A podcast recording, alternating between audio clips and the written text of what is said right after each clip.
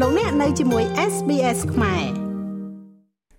រាជរដ្ឋាភិបាលកម្ពុជាបានប្រកាសពីការត្រៀមលក្ខណៈរួចជាស្រេចហើយនៅស្បៀងបំរុងយុទ្ធសាស្ត្រនិងកម្លាំងសង្គ្រោះក្នុងការដោះស្រាយបន្ទាន់ពីផលប៉ះពាល់ដោយគ្រោះមហន្តរាយធម្មជាតិដូចជាគ្រោះទឹកជំនន់ជាដើម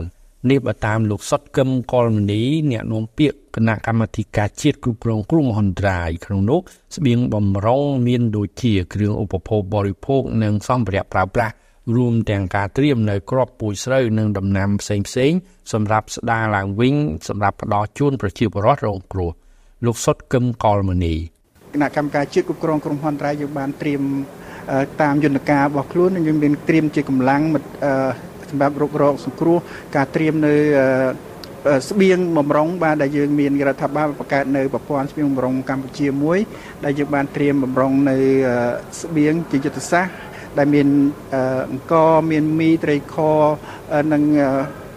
ទឹកត្រីទឹកស៊ីអ៊ីវហើយនិងអំបិលគ្រប់ទឹកសុទ្ធគឺយើងបានត្រៀមហើយការត្រៀមនេះជាយុទ្ធសាស្ត្រដើម្បីឆ្លើយតបបន្ទាន់ទៅដល់ជនរងគ្រោះហើយក៏បានត្រៀមព័ន្ធវិញម្ដងក៏មានត្រៀមទៅដល់ការស្ដារឡើងវិញតាក់ទងផលប៉ះពាល់ជាមួយវិស័យកសិកម្មមានស្រូវពូជពូជបន្លែផ្សេងផ្សេងដែលគណៈកម្មការប្រព័ន្ធវិញម្ដងកម្ពុជានេះស្ថិតនៅក្រោមការគ្រប់គ្រងរបស់ក្រសួងសេដ្ឋកិច្ចនិងរញ្ញវត្ថុ កញ្ចប់ថវិកាគឺយើងមាននៅក្នុងប្រព័ន្ធបៀងម្រងគឺមានកំណត់របស់គេបាទយើងហើយនឹងទី2កញ្ចប់ថវិកាដោយឡែកមួយទៀតសម្រាប់គណៈកម្មការជួបក្រុងគ្រោះមហន្តរាយស្ថិតនៅក្រោមការអនុម័តឲ្យប្រើដោយនាយករដ្ឋមន្ត្រីអញ្ចឹងយើងអត់មានកំណត់ថាប្រមាណខេត្តការក្រុមហន្តរាយក៏យើងមិនអាចបានស្មានថាវាកែប៉ុណ្ណាប៉ុណ្ណាដែរបាទអាស្រ័យនឹងស្ថានភាពជាក់ស្ដែងហើយតាមសំណើរបស់គណៈកម្មការជាគ្រប់គ្រងគ្រោះមហន្តរាយនាយករដ្ឋមន្ត្រីនឹងអនុម័តឲ្យប្រើនៅថវិកាទាំងអស់នេះ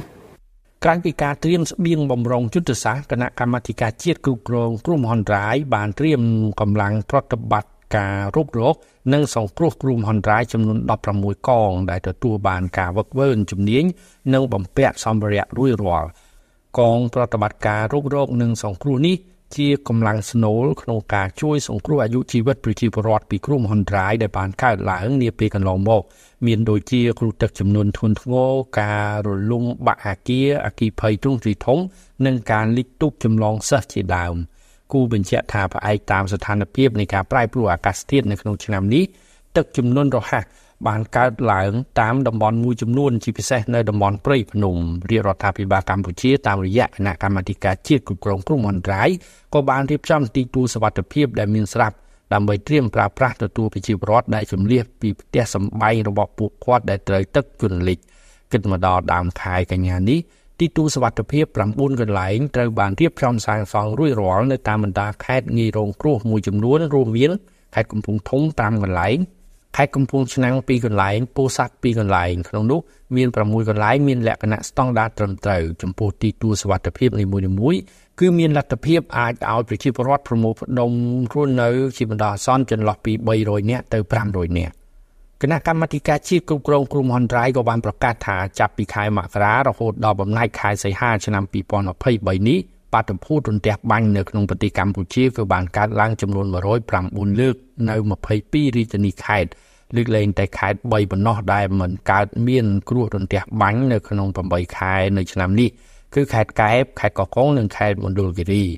រឿងផ្ទះបាញ់នៅ8ខែមកនេះគឺបានបណ្ដាឲ្យមនុស្សស្លាប់64នាក់របួស49នាក់ងាប់គោប្របី88ក្បាលនិងឆេះផ្ទះ9ខ្នង ចំណែកខ្យល់ព្យុះឬក៏ខ្យល់កន្ត្រាក់វិញគឺក្នុងរយៈពេល8ខែឆ្នាំ2023នៅកម្ពុជាបានកើតឡើងចំនួន250លើកបណ្ដាឲ្យរលំផ្ទះចំនួន